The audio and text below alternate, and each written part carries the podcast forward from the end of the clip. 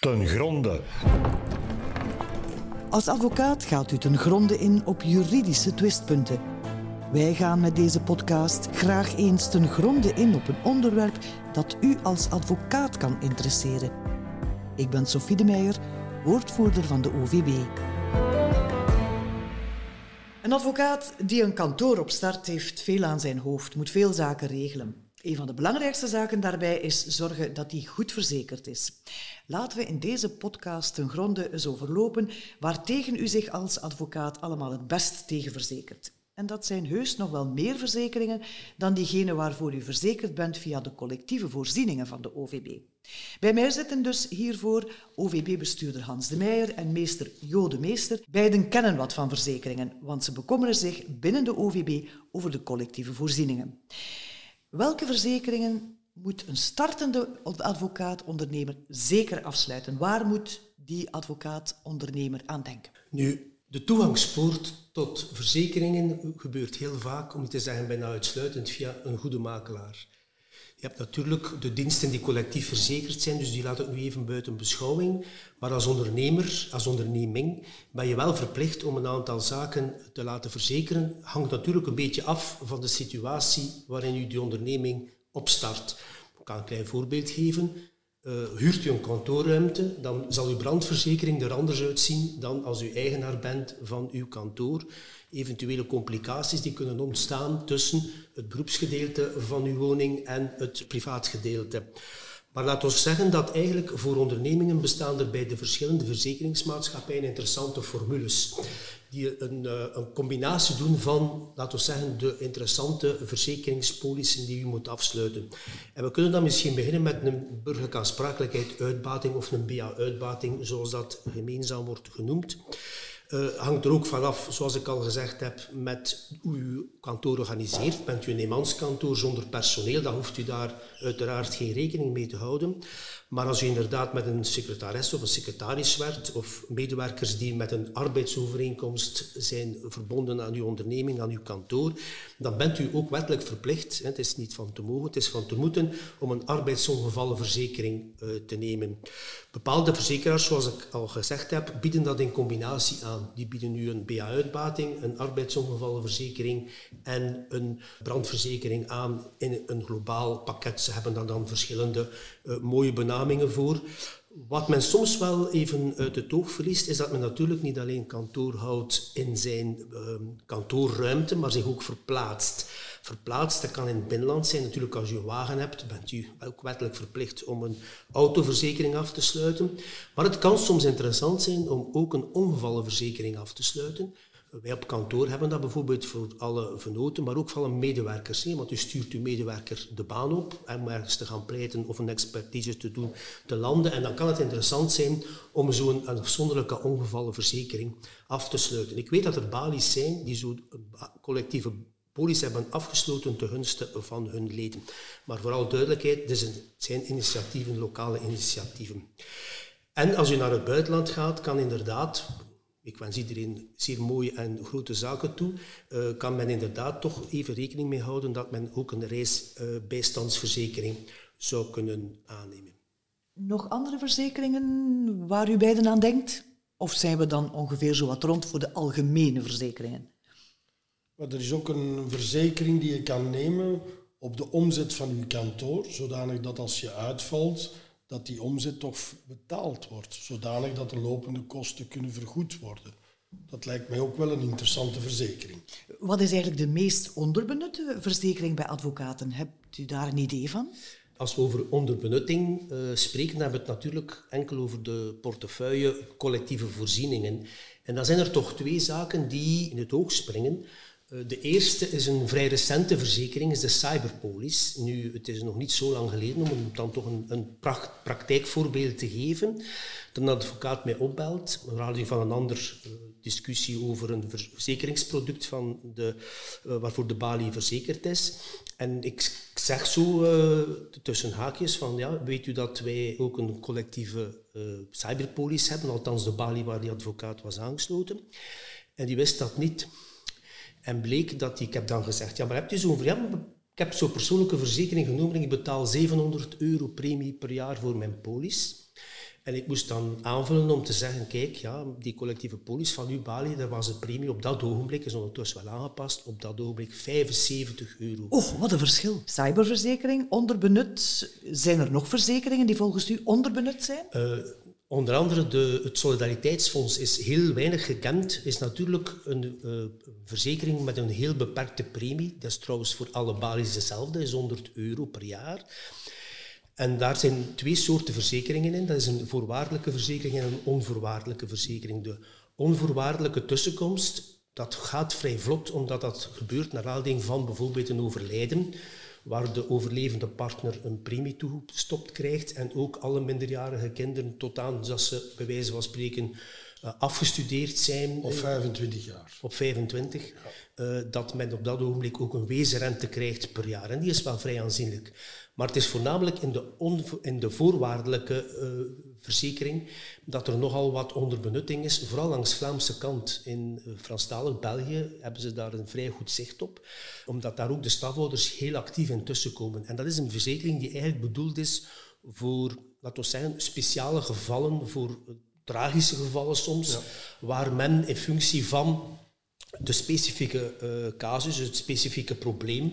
Dat kan een ongeval zijn, dat kan een uitzonderlijke ziekte zijn, dat kan een, uh, ja, een, een, een, een zou ik ja. zeggen?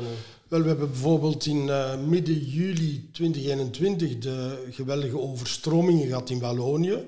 En toen zijn er 38.000 woningen beschadigd. En onder die woningen waren ook woningen met advocatenpraktijken. En die mensen hebben dan ook een aanvraag kunnen indienen bij het Solidariteitsfonds. En dat wordt dan onderzocht. Men moet bijkomende documenten binnenleveren waaruit blijkt dat inderdaad die advocaat wel een behartenswaardig geval wordt. En dan kan die tot 13.500 euro per jaar uh, toegekend krijgen vanuit het Solidariteitsfonds. Was dat Solidariteitsfonds ook nuttig in tijden van COVID, corona? Wel ja, uh, we hebben toch een, een, aantal gevallen gehad ook, waardoor dat door een serieuze coronabesmetting een advocaat volledig uitviel. En dat die spijtig genoeg via de uh, arbeidsongevallenverzekering van uh, Precura, dus de Prevoca Polis, onvoldoende inkomsten genoot om alles te kunnen betalen. En ook dan kan het Solidariteitsfonds tussenkomen. Ja. We hebben nu al een paar keer een, een bedrag gehoord, ook dat een uh, collectieve verzekering dat dat interessant kan zijn. Maar kunt u eens schetsen, meester de meester bijvoorbeeld, uh, weet u hoeveel procent van uw Bali-bijdrage naar die collectieve voorzieningen gaat dan? Wel, in Antwerpen betalen wij nu een uh, Bali-bijdrage van 2500 euro en wij betalen daarvoor door aan de verzekeringen 1564 euro. Dat is dus iets meer dan 62% van de Bali-bijdrage. Dat gaat naar de collectieve verzekeringen. Dat is Bali Antwerpen. Uh, meester De Meijer, u kan het schetsen hoe het zit voor de andere Vlaamse Bali's. Hoe is het daar? Nu, wat de Bali-bijdragers betreft, ja, die worden nu volop uh, ingevorderd. Daar hebben we dus nog geen landelijk overzicht.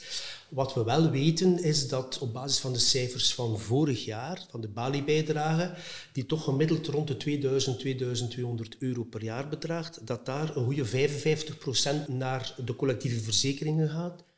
Voor alle duidelijkheid, dat is het pakket dat voor alle Bali's geldt. Dus Bali Antwerpen is op dat gebied een beetje ja, de, leerling, de beste leerling van de klas om dus inderdaad voor haar leden de maximale verzekering te voorzien. Ik haal daar twee uh, zaken uit die niet aan alle balies van toepassing zijn.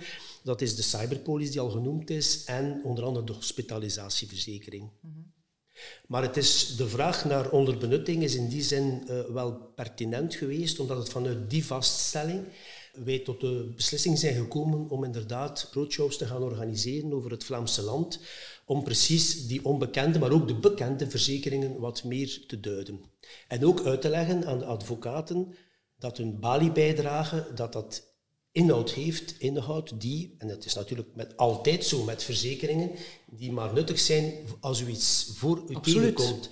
Maar niet iedereen is het slachtoffer van een ongeval of ziekte. Maar als het u overkomt, dan bent u natuurlijk wel heel gelukkig dat dergelijke verzekeringen bestaan. Ja, u haalde het daarnet ook al aan van vaak is het zo dat die eh, bijdrage is voor een, een vorm van een basispakket, maar volstaan die collectieve voorzieningen aan zich of is het aan te raden dat een advocaat zich bovenop het basispakket nog extra verzekert? Wel, ik vind zeker voor wat betreft de beroepsaansprakelijkheid, men moet toch rekening houden dat door de collectieve verzekeringen u verzekerd bent voor een bedrag van 2,5 miljoen euro.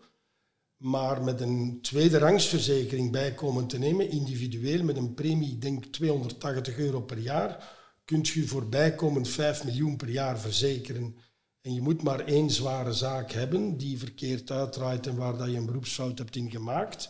En dan denk ik dat je heel blij gaat zijn dat je ieder jaar die 280 euro bijkomende verzekering tweede rangs hebt genomen. Denkt u dan aan specifieke zaken waar dat bijzonder interessant kan zijn? Wel, bijvoorbeeld begeleid aandeelhouders bij de overname van hun bedrijf.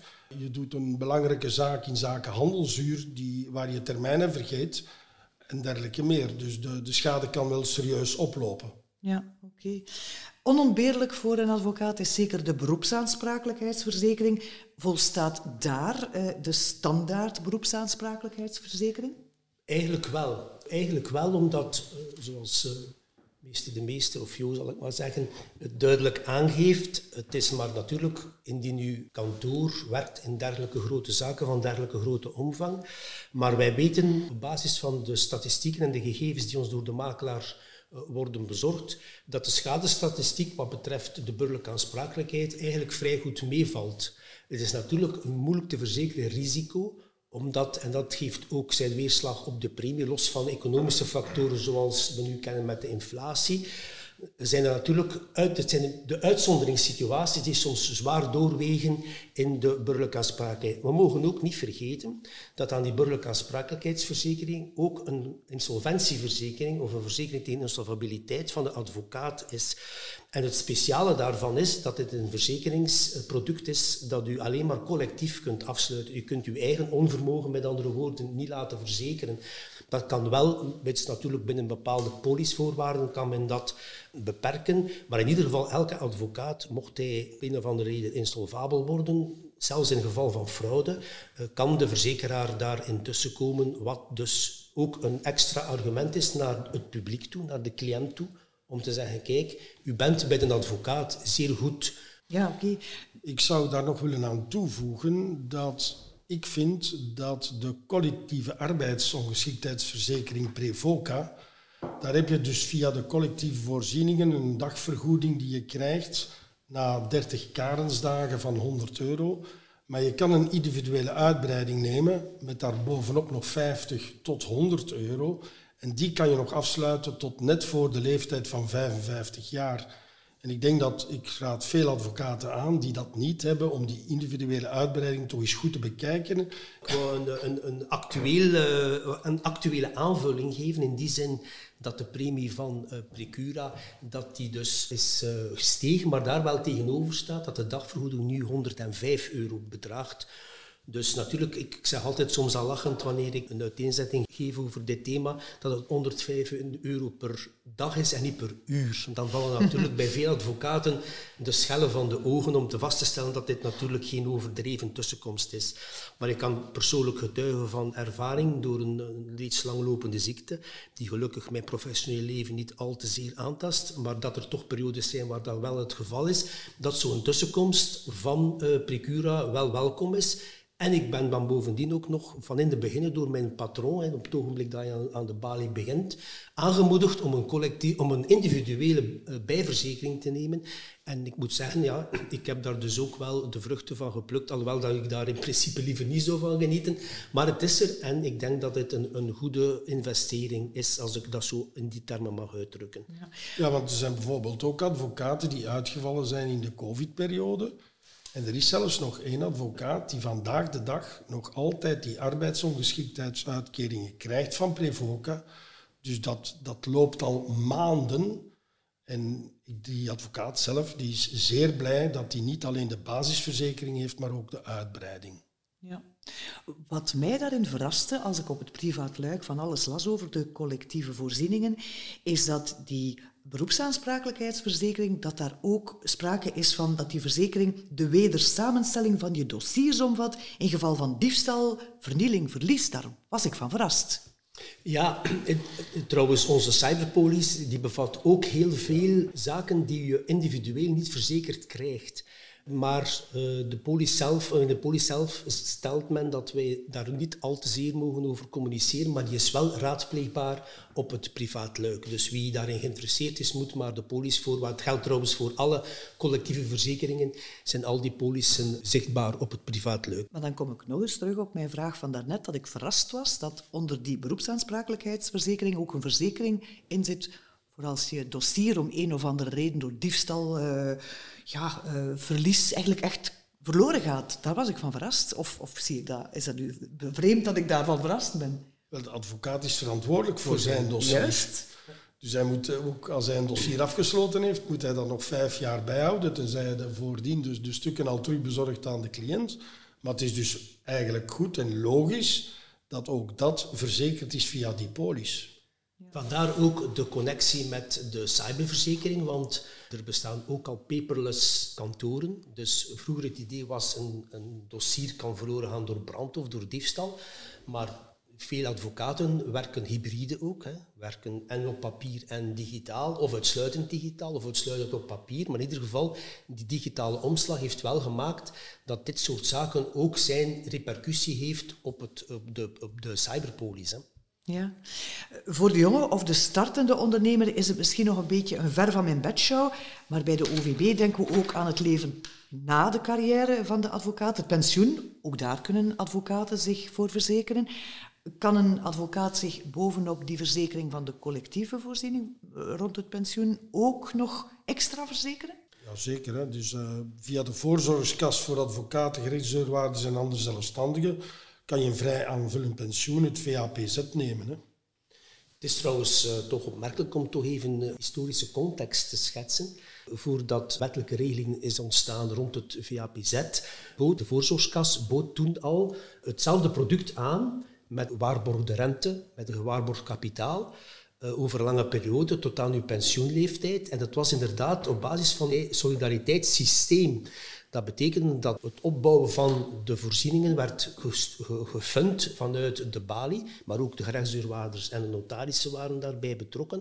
En dat was eigenlijk een vrij uniek systeem. Ik heb mijn vragen gesteld, maar zijn er nog zaken die u in deze context daar wil aan toevoegen aan de hele problematiek rond advocaten en verzekeringen? Ik zou alle advocaten oproepen om naar de roadshows te komen. Daar kunnen ze alle vragen kwijt. Dank u wel, meester de Meester en meester de Meijer. Hiermee weet de startende advocaatondernemer alvast hoe hij zich tegen een heleboel risico's het beste kan indekken. En vanaf 6 maart is er dan ook de roadshow die langsgaat bij de acht Vlaamse balies en waar advocaten alles te weten komen over de collectieve voorzieningen. Ze krijgen daar uit de eerste hand van de verzekeringsmaatschappij zelf alle details over die verzekeringen te horen. Ze komen er dus zeker beter geïnformeerd buiten, Deelnemen is gratis. Het levert ook nog eens vier punten permanente vorming op. In het opleidingsinstituut leest u op welke datum de roadshow bij uw balie plaatsvindt en hoe u er zich voor kan inschrijven. Bedankt. Graag gedaan. Voilà.